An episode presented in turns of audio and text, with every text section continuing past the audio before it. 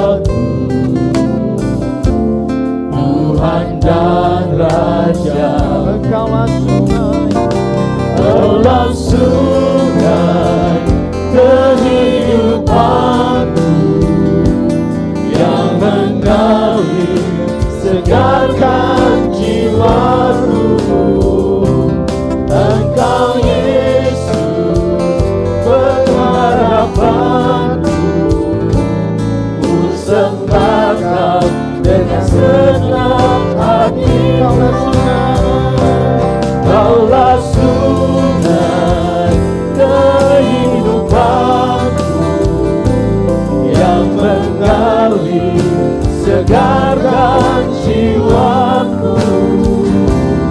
Engkau Yesus pengharapanku. Ku sembah kau dengan segenap Ku sembah kau dengan segenap hati. Dengan segenap hatiku.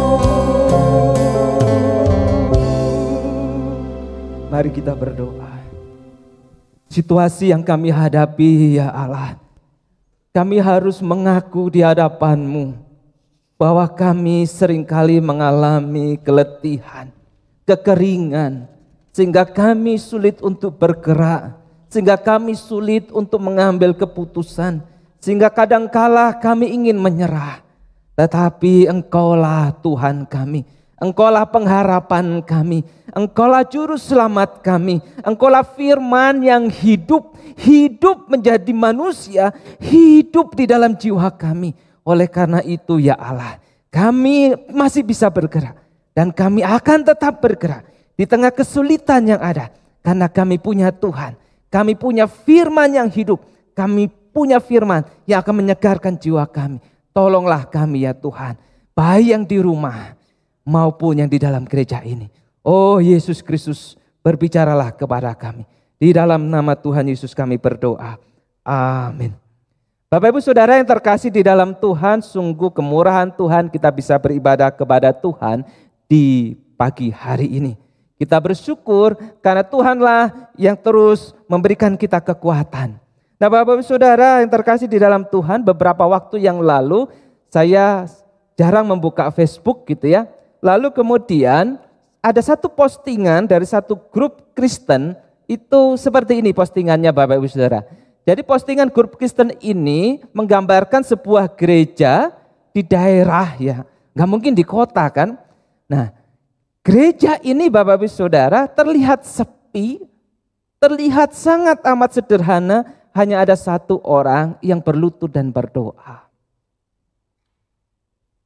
Gereja memang tidak sempurna, tetapi Tuhan sempurna.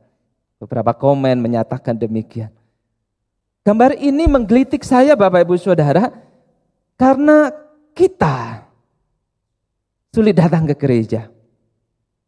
Pertanyaan yang terus ingin saya tanyakan kepada jemaat, kepada Bapak Ibu, kepada Sobat Antioquia adalah begini. Yang hampir satu tahun ini kita jarang bisa ke gereja ataupun ke gereja dengan cara-cara yang terbatas. Rindukah engkau akan gerejanya? Sebuah pertanyaan yang ingin sekali saya ingin tanyakan kepada pribadi lepas pribadi Bapak Ibu sekalian. Rindukah engkau akan gerejanya? Karena gereja sekarang menjadi gereja yang sepi. Tapi kita ingat Bapak Ibu Saudara Tuhan pernah marah di rumah Tuhan, di gereja zaman dahulu, Bapak di bait Allah. Dan dia berkata seperti ini, cinta kepada rumahmu menghanguskan aku. Artinya bahwa Tuhan tetap memiliki kecintaan kepada rumah Allah supaya dia tahu bahwa di rumah Allah sumber segala rahmat datang dan kita mendapatkan yang namanya kesatuan. Masihkah engkau rindu akan gerejanya? Sebuah pertanyaan Bapak Ibu Saudara yang terus ingin saya utarakan kepada Bapak Ibu.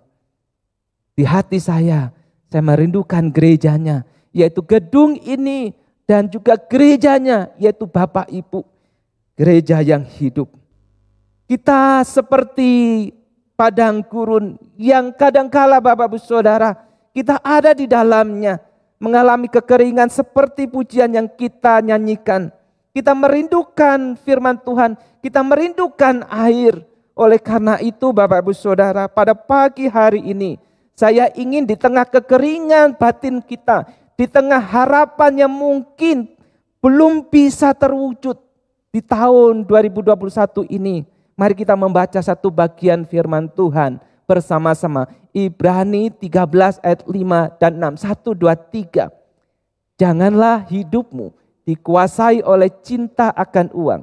Tetapi hendaklah kalian puas dengan apa yang ada padamu. Sebab Allah sudah berkata, aku tidak akan membiarkan atau akan meninggalkan engkau. Sebab itu kita berani berkata, Tuhan adalah penolongku, aku tidak akan takut. Apa yang dapat manusia lakukan terhadap aku? Sebuah tanda tanya di akhir. Apa yang bisa lakukan manusia terhadap aku di tengah situasi ini? Atau mungkin kita ganti kata manusia itu, apa yang bisa dilakukan corona ketika Allah telah berjanji tidak akan membiarkan diri kita. Oleh karena itu Bapak Saudara, di tengah ketidakpastian, mari kita berjalan dengan sesuatu yang pasti.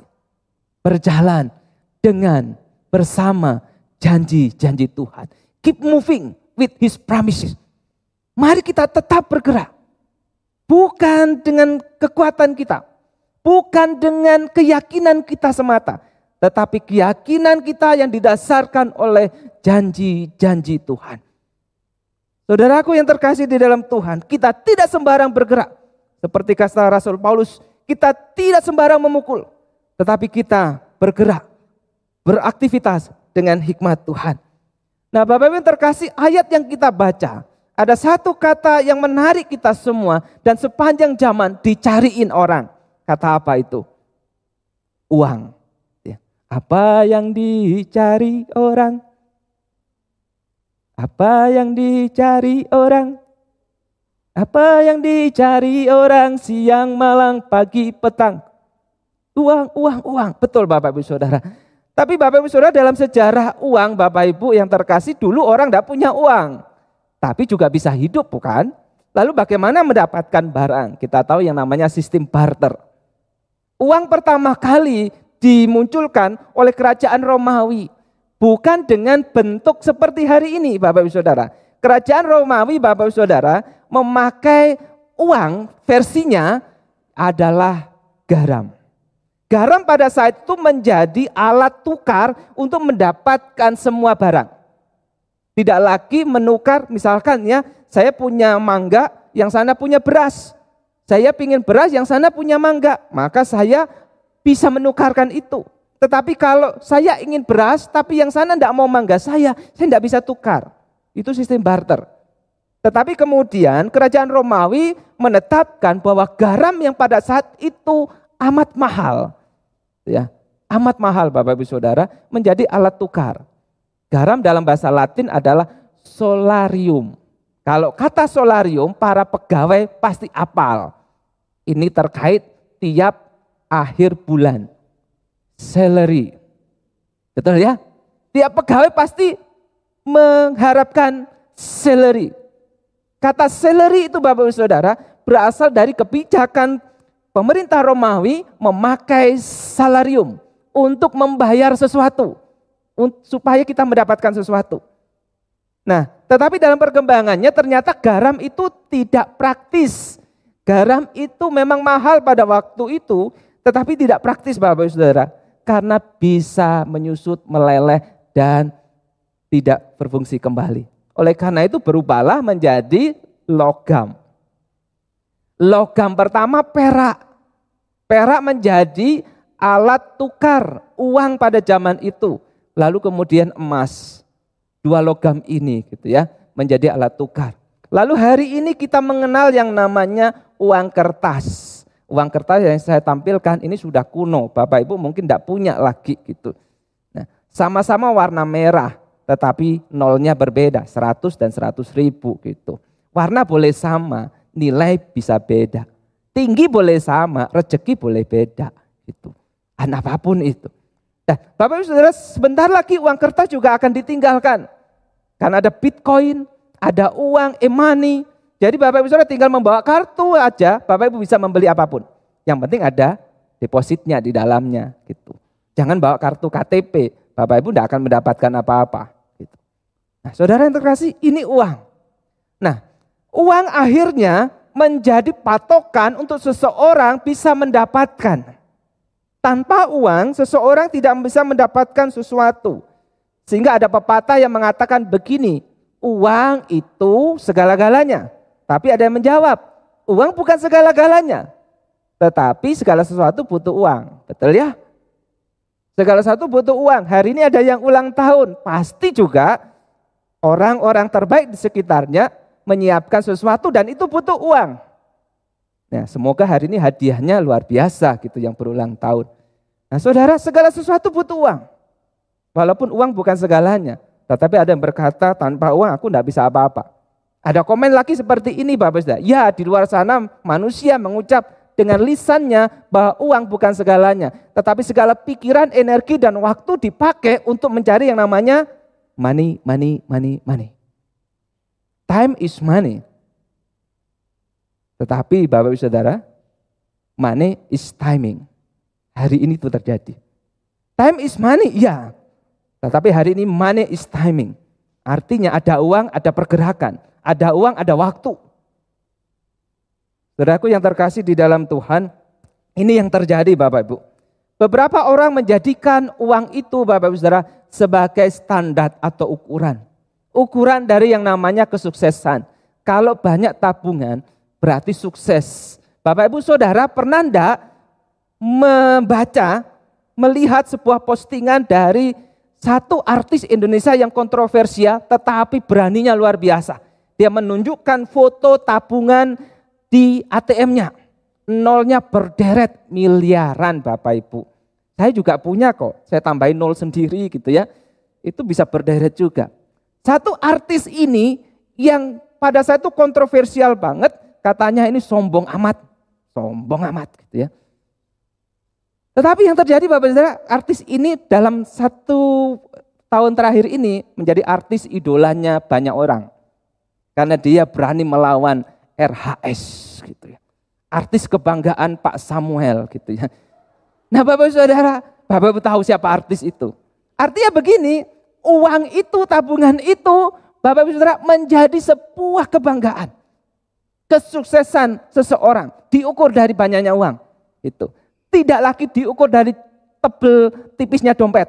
Karena tebel tipisnya dompet tidak menentukan dia punya banyak uang. Banyak nota iya di dalamnya. Uang juga menjadi simbol kepuasan. Kita melihat bahwa enak ya kalau banyak uang, aku bisa beli mobil. Enak ya kalau punya uang, aku bisa liburan ke mana-mana. Enak ya kalau bisa punya uang banyak gitu ya. Aku bisa beli apa saja. Sebuah standar kepuasan dinyatakan dengan banyaknya uang. Apakah bisa demikian? Kita tentu berkata enggak semuanya puas dengan banyaknya uang. Karena tidak ada kepuasan ketika hanya mencari uang. Tidak ada kepuasan. Terus mencari uang. Karena tidak ada kata kecukupan bagi orang yang gila uang. Yang ada adalah kurang dan kurang dan kurang. Uang juga menjadi standar status sosial. Jadi dengan uang Bapak Ibu Saudara bisa meletakkan apa saja dari ujung rambut sampai ujung kaki. Kalau dulu anting-anting hanya ada di telinga Bapak Ibu Saudara. Eh itu juga ada loh macam-macam di ujung kuku kaki seseorang. Jadi dari ujung kepala sampai ujung kaki standar sosial seseorang bisa terlihat. Jadi Bapak Saudara jangan heran kalau ada banyak fashion hari ini tidak komplit bajunya. Bolong-bolong kakinya. Karena itu mau menunjukkan standar sosial seseorang. Jangan heran kalau Bapak Ibu jalan ke mall, tiba-tiba maaf ya, celananya agak melorot ke bawah, lalu ada merek yang muncul di belakang. Itu Bapak Ibu Saudara nggak bukan nggak sengaja, itu disengaja Bapak Ibu Saudara. Karena apa? Eh mereknya ya, itu saya tidak punya, tidak bisa menunjukkan merek mahal dari bagian itu Bapak Saudara, gitu ya. Tapi itu menjadi standar sosial seseorang, gitu. Nah, kita membayangkan orang Bapak Ibu Saudara pakai singlet dan kita berkata ini orang biasa. Eh mahal singlet hari ini Bapak Ibu Saudara. Mahal banget gitu. Dan itu sengaja dibuka, diperlihatkan untuk menunjukkan ini loh. Pernah dah Bapak Ibu Saudara membaca ada seorang selebgram gitu ya. Kemudian nongkrong di hotel yang mewah, di restoran yang mewah, lalu dia membuat vlog atau video, lalu berkata, di mana nongkrongmu? Aku di sini gitu. Yang menunjukkan bahwa tongkrongan di hotel adalah status sosial karena dia punya uang. Parahnya Bapak Ibu Saudara yang terkasih dalam Tuhan, standar dari uang ini juga muncul di gereja. Banyak uang dikatakan lebih rohani. Loh kok isa?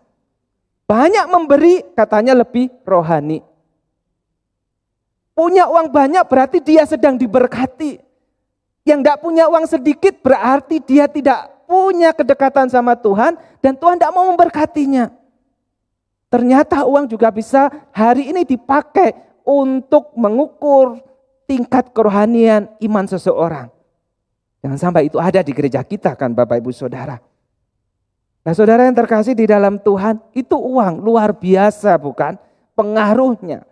Dari sekedar untuk mendapatkan barang sampai mendapatkan segala kesuksesan, kepuasan, bahkan standar kerohanian. Kalau saya tampilkan gambar ini Bapak Ibu Saudara. Apa yang Bapak Ibu perhatikan dari dua gambar ini? Ada dua orang Bapak Ibu Saudara, satu berdasi, lalu seperti dia sedang membajak sawah dan ada huruf RP rupiah di depannya dan dia tersenyum. Satu lagi Bapak Ibu Saudara, orang yang sederhana tetapi dia bukan di bukan di antar oleh RP ini rupiah ini tetapi dia sedang menggeret rupiah ini. Bapak Ibu Saudara, ini adalah kritikan sosial tentang status seseorang. Bahkan juga kritikan daripada iman terhadap apa itu uang bagi setiap orang percaya. Gambar pertama Bapak Saudara, saya mau berkata begini. Ini menunjukkan uang itu menggerakkan hidup seseorang, hidup manusia. Dengan uang Bapak Ibu Saudara bisa naik pesawat dan Bapak Ibu digerakkan oleh pesawat itu sampai ke tempat tujuan.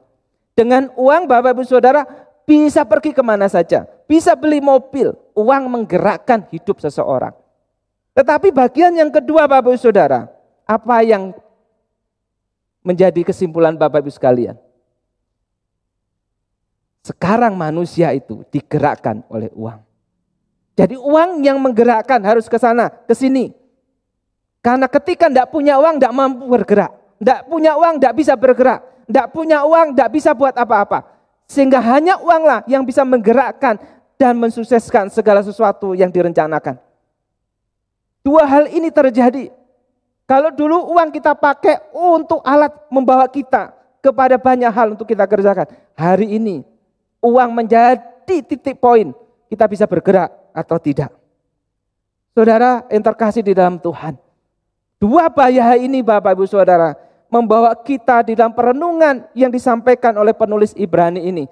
Janganlah hidupmu dikuasai oleh cinta akan uang dalam bahasa Indonesia sehari-hari. Nah saudaraku penulis Ibrani sengaja Bapak Saudara tidak menuliskan suratnya ini kepada gereja tertentu, kepada orang atau kelompok tertentu, tetapi kepada banyak orang percaya di Asia kecil pada saat itu.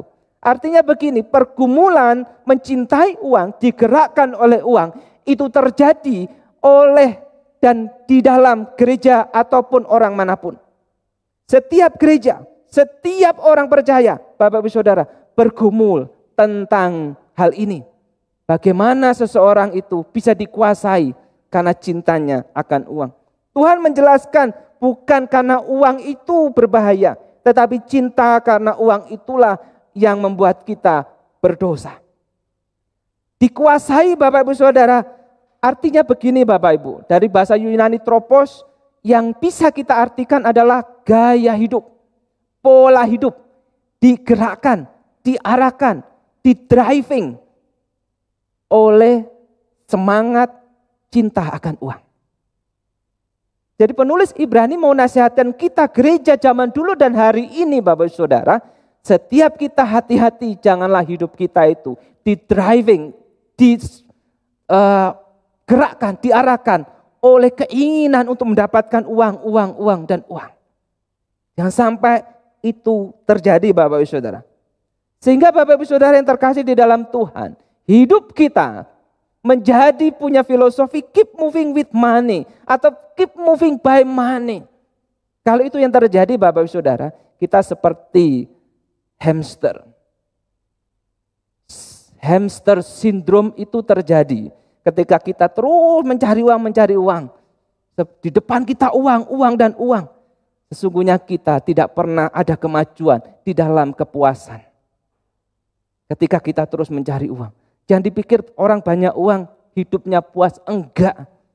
Semakin dia dapat banyak, dia akan mulai pingin banyak.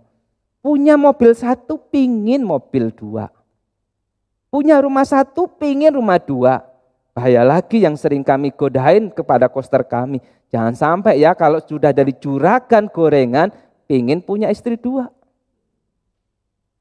Tidak pernah ada kepuasan. Jangan sampai kalau jadi juragan cendol lalu lirik dan punya simpanan. Nah Bapak Ibu Saudara yang terkasih, tidak ada kepuasan di dalam uang kalau hidup kita di driving oleh uang. Tidak ada kepuasan di situ. Tetapi penulis Ibrani begini, marilah kita mencukupkan diri, marilah kita merasa puas dengan apa yang ada ini. Itu yang dinasehatkan oleh penulis Ibrani Bapak Ibu Saudara. Tahun 2021 di dalam krisis COVID-19 ini, apa yang paling digumulkan oleh seseorang? Kesehatan, ya. Tetapi ada dua. Yang kedua, sulitnya mencari uang. Usaha sulit untuk berkembang. Dan itu menjadi mungkin second priority Prioritas kedua, di dalam hidup orang pada zaman ini, pada tahun ini, ya apa caranya meningkatkan pendapatan. Nah saudaraku yang terkasih di dalam uang, Tuhan menegur banyak orang pada saat itu dalam pengajarannya seperti ini. No man can serve two master. Tidak ada manusia yang bisa melayani dua tuan. Kalau dia melayani dua tuan, dia akan mengasihi yang seorang, dia akan membenci yang lain. Dia akan taat sama yang seorang, dia tidak akan taat sama yang lain. Tuhan sudah berkata bahwa tidak ada seseorang yang bisa melayani dua tuan. Tidak ada yang namanya suami yang bisa adil untuk dua istri. Istrinya begitulah. Tidak ada namanya keadilan untuk dua hal yang dilayani bersama-sama. Saudaraku yang terkasih di dalam Tuhan. Dan Tuhan berkata begini, kau harus memilih mau tuan mamon atau diriku, kata Tuhan. Karena Tuhan sudah tahu bahwa mamon atau uang itu akan mendriving hidup manusia. Mau tidak dipimpin oleh uang? Maukah menyembah uang, diperarat oleh uang, digerakkan oleh uang, atau mau digerakkan oleh saya? Kata Tuhan. Saudaraku yang terkasih, bahaya hari ini ketika kita hanya mikirin ya apa caranya mendapatkan, mendapatkan, mendapatkan di tengah kesulitan. Tidak salah untuk kita berpikir bagaimana kita mendapatkan sesuatu yang lebih. Tidak salah. Tetapi apakah itu menjadi penggerak di dalam hidup kita tahun 2021? Nah saudara, uang dan kitab suci itu sama-sama dari kertas. Mana yang akan mengontrol hidup kita? Kertas kitab suci atau kertas dolar kita, rupiah kita. Kitab suci berbicara hari ini. Sebab Allah sudah berkata, bukan akan berkata. Sudah berkata, berarti itu dia ulangi berkali-kali, dia catatkan berkali-kali sebuah perkataan kepada umat yang berbeda zaman. Aku tidak akan membiarkan atau meninggalkan engkau. Karena perkataan yang berulang-ulang di zaman yang berbeda, di waktu yang berbeda, di dalam konteks yang berbeda, tetapi sama maknanya.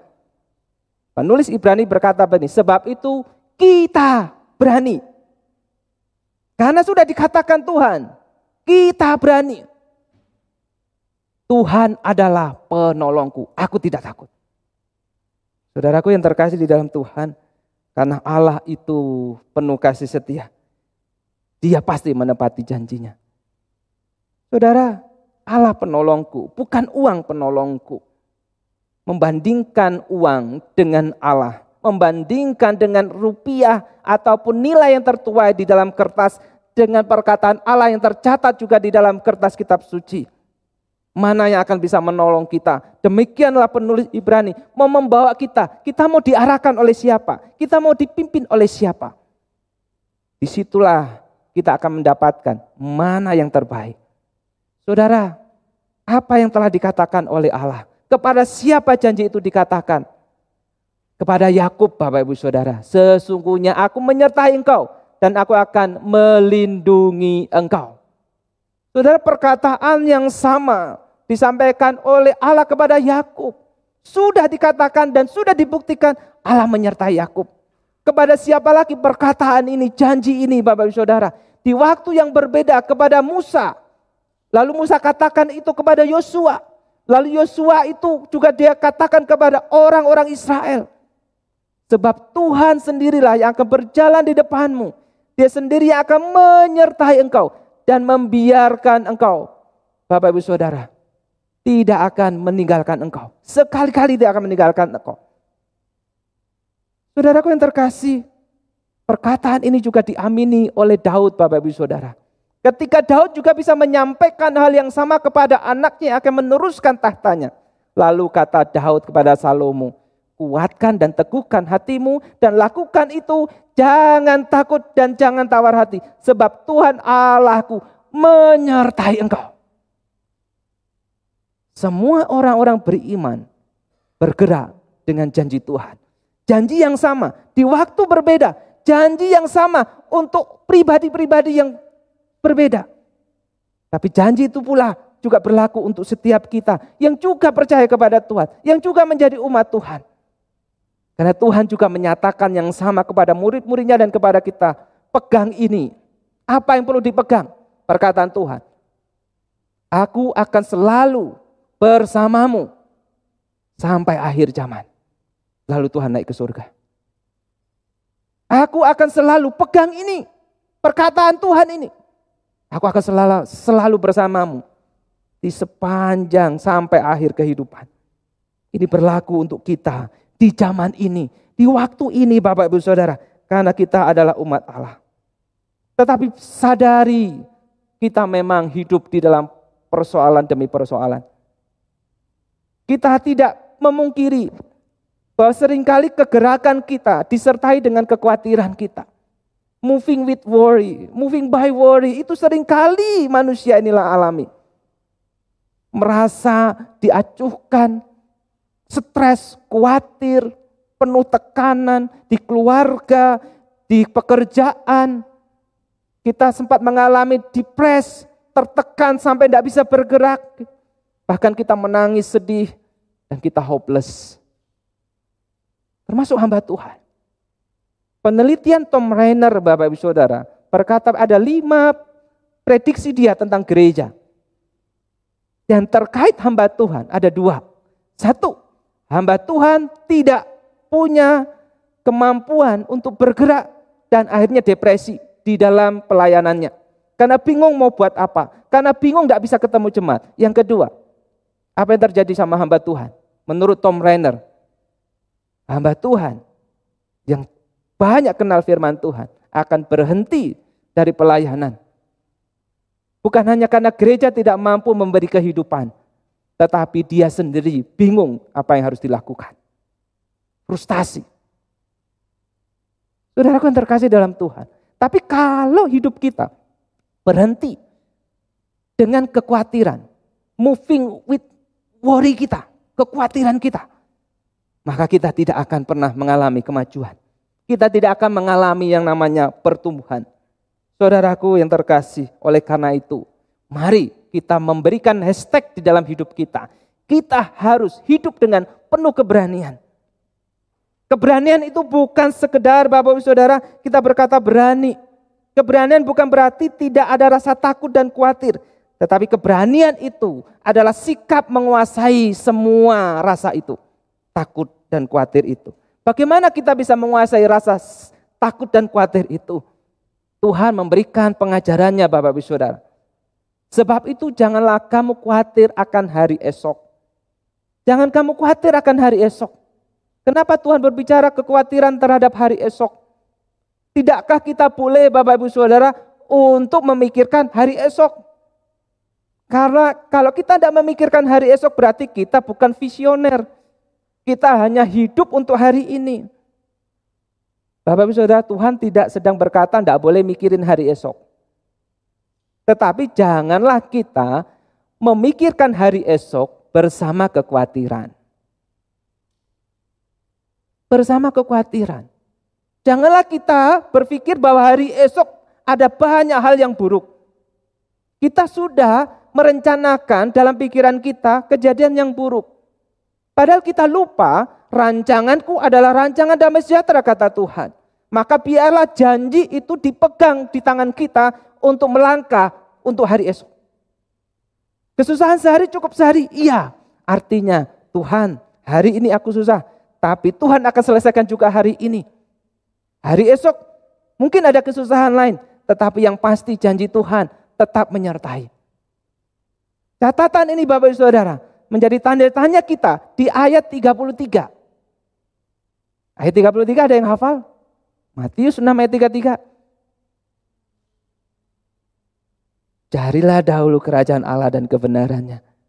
Artinya begini, ketika kita diminta untuk tidak khawatir hari esok, karena hidup kita sudah dipimpin, sudah digerakkan oleh satu jalan, satu keinginan, mencari jalan Tuhan, mencari kebenaran Tuhan, berjalan di dalam cara Tuhan, berjalan di cara kebenaran. Keep moving. Karena kita sedang tahu kerajaan Allah menyertai kita kebenaran Allah yang minggu lalu kita pelajari bersama. Itu beserta dengan kita. Karena kita sedang bergerak dalam hal ini. Maka Bapak Ibu Saudara, jangan khawatir tentang hari esok. Kecuali ayat 33. Carilah dahulu uang dan uang dan uang. Maka patutlah kita khawatir akan hari esok. Karena hari esok belum tentu ada uang. Tapi hari esok bagi orang percaya ada Tuhan. Saudara, mungkin saudara kenal dua orang ini. Tetapi yang satu mungkin saudara akan kenal. Ya. Nah saudara yang terkasih di dalam Tuhan, yang Bapak Ibu Saudara yang tinggi rambut putih itu sudah meninggal tahun lalu. Raffi Zakarias, seorang apologet luar biasa. Penulis yang luar biasa. Ketika dia berdebat, ditanyai apa pun, dalam konteks perbincangan antara Kristen dengan Muslim, Tuhan punya banyak hikmat di dalam dirinya. Meskipun dia di akhir hidupnya punya kekurangan yang harus kita terima. Nah, apa siapa yang di sampingnya? Yang di sampingnya ini orang Vietnam. Pin Pam namanya. Bukan pingpong ya, Pim Pam. Nah, Bapak Saudara, Pim Pam ini Bapak Saudara mengenal Raffi Zakarias ketika Raffi Zakarias muda melakukan pelayanan di Vietnam tahun 71 mengikuti akan rombongan kapal perang Amerika Serikat sebelum terjadi perang Vietnam tahun 75 Bapak Ibu Saudara. Nah, Raffi Zakarias muda melayani di Vietnam dan Pim Pam menjadi penterjemahnya. Keren bukan? Menjadi penterjemahnya. Nah, tetapi Bapak Saudara, tahun 75 terjadi perubahan politik yang ada. Prancis bersama dengan Vietnam bekerja sama dan akhirnya melawan Amerika. Amerika harus keluar dari Vietnam termasuk Raffi Zakaria sebelumnya sudah keluar duluan. Lalu kemudian yang terjadi Bapak Ibu Saudara di Vietnam terjadi yang namanya ya komunisme disebarluaskan pada saat itu tahun 75.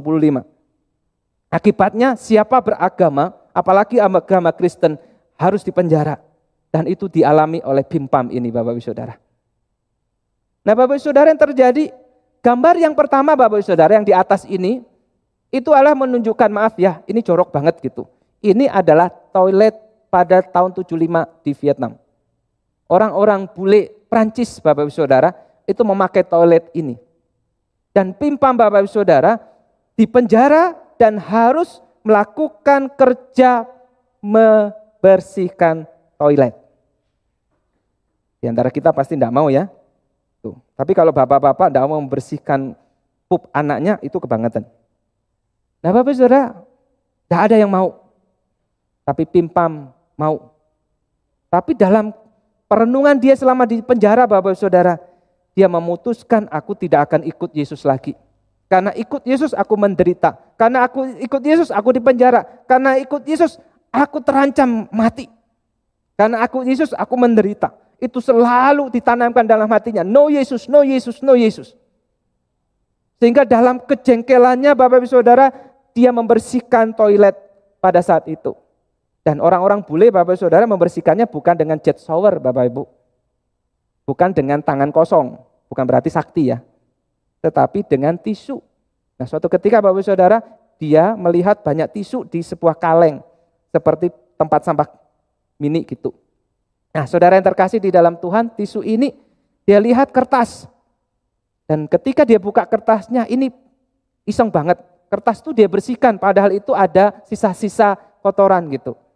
Karena di situ ada sebuah tulisan dalam bahasa Inggris karena dia pinter bahasa Inggris.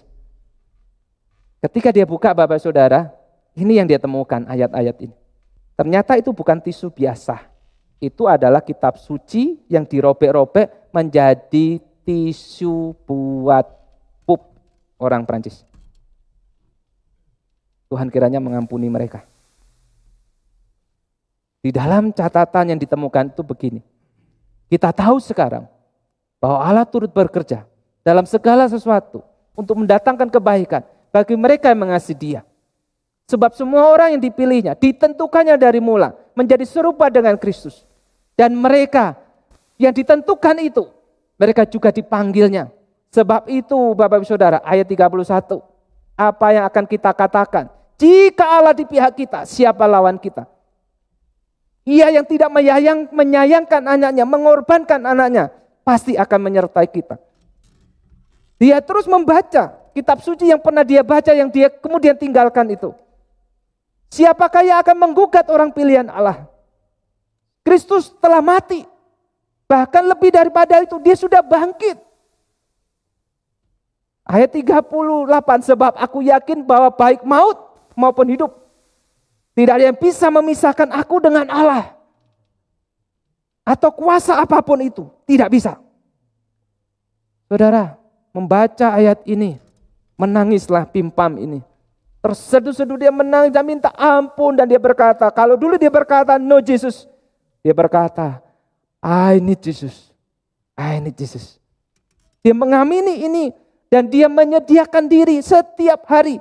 Bersedia membersihkan toilet itu dia dia mengumpulkan kitab suci yang sudah tersobek-sobek, yang sudah kotor itu dia bersihkan, dia keringkan, lalu dia menjadikan kitab suci pribadinya itu. Sampai suatu ketika Tuhan membuka jalan, lalu kemudian Pimpam bisa lolos pergi ke Amerika. Foto yang kita lihat pertama adalah Pimpam yang sudah sukses menjadi pengusaha. Husno, tidak ada yang tahu apa yang terjadi, tapi Tuhan tahu apa yang terjadi. Nah saudaraku yang terkasih di dalam Tuhan. Kita harus tetap bergerak bersama dengan janji Tuhan. Kita harus tetap bergerak untuk Tuhan Bapak Ibu Saudara. Nah saudaraku yang terkasih di dalam Tuhan. Keep moving with his promise. Jika Allah di pihak kita, siapakah yang dapat melawan kita? Jika kita berjalan bersama Allah, kita tinggal berserah kepadanya. Dia pegang tangan kita.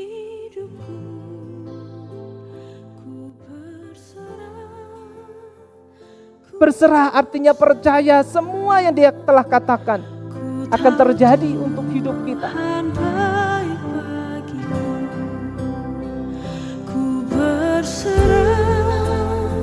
Berserah. Bapak Ibu Saudara. Menjadi kata yang menyenangkan di telinga Allah. Tetapi menjadi kekuatan bagi setiap yang mengatakannya.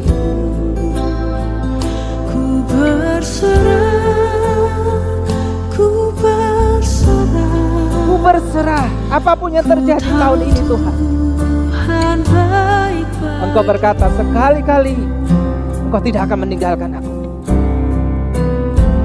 Kau bukakan jalan di lautan. Karena dia berjanji akan menyertai kita. Seperti yang membuka dan membelah laut untuk umatnya lolos daripada bahaya tentara Mesir. Dia membuka akan jalan buat kita. Yang mau percaya terhadap janjinya. Yang tidak meragukan apa yang dia katakan. Berserahlah apa pun yang akan kau hadapi. Bergeraklah dengan janjinya. Tetap bersamanya. Karena dia pribadi yang setia. Mari kita berdoa.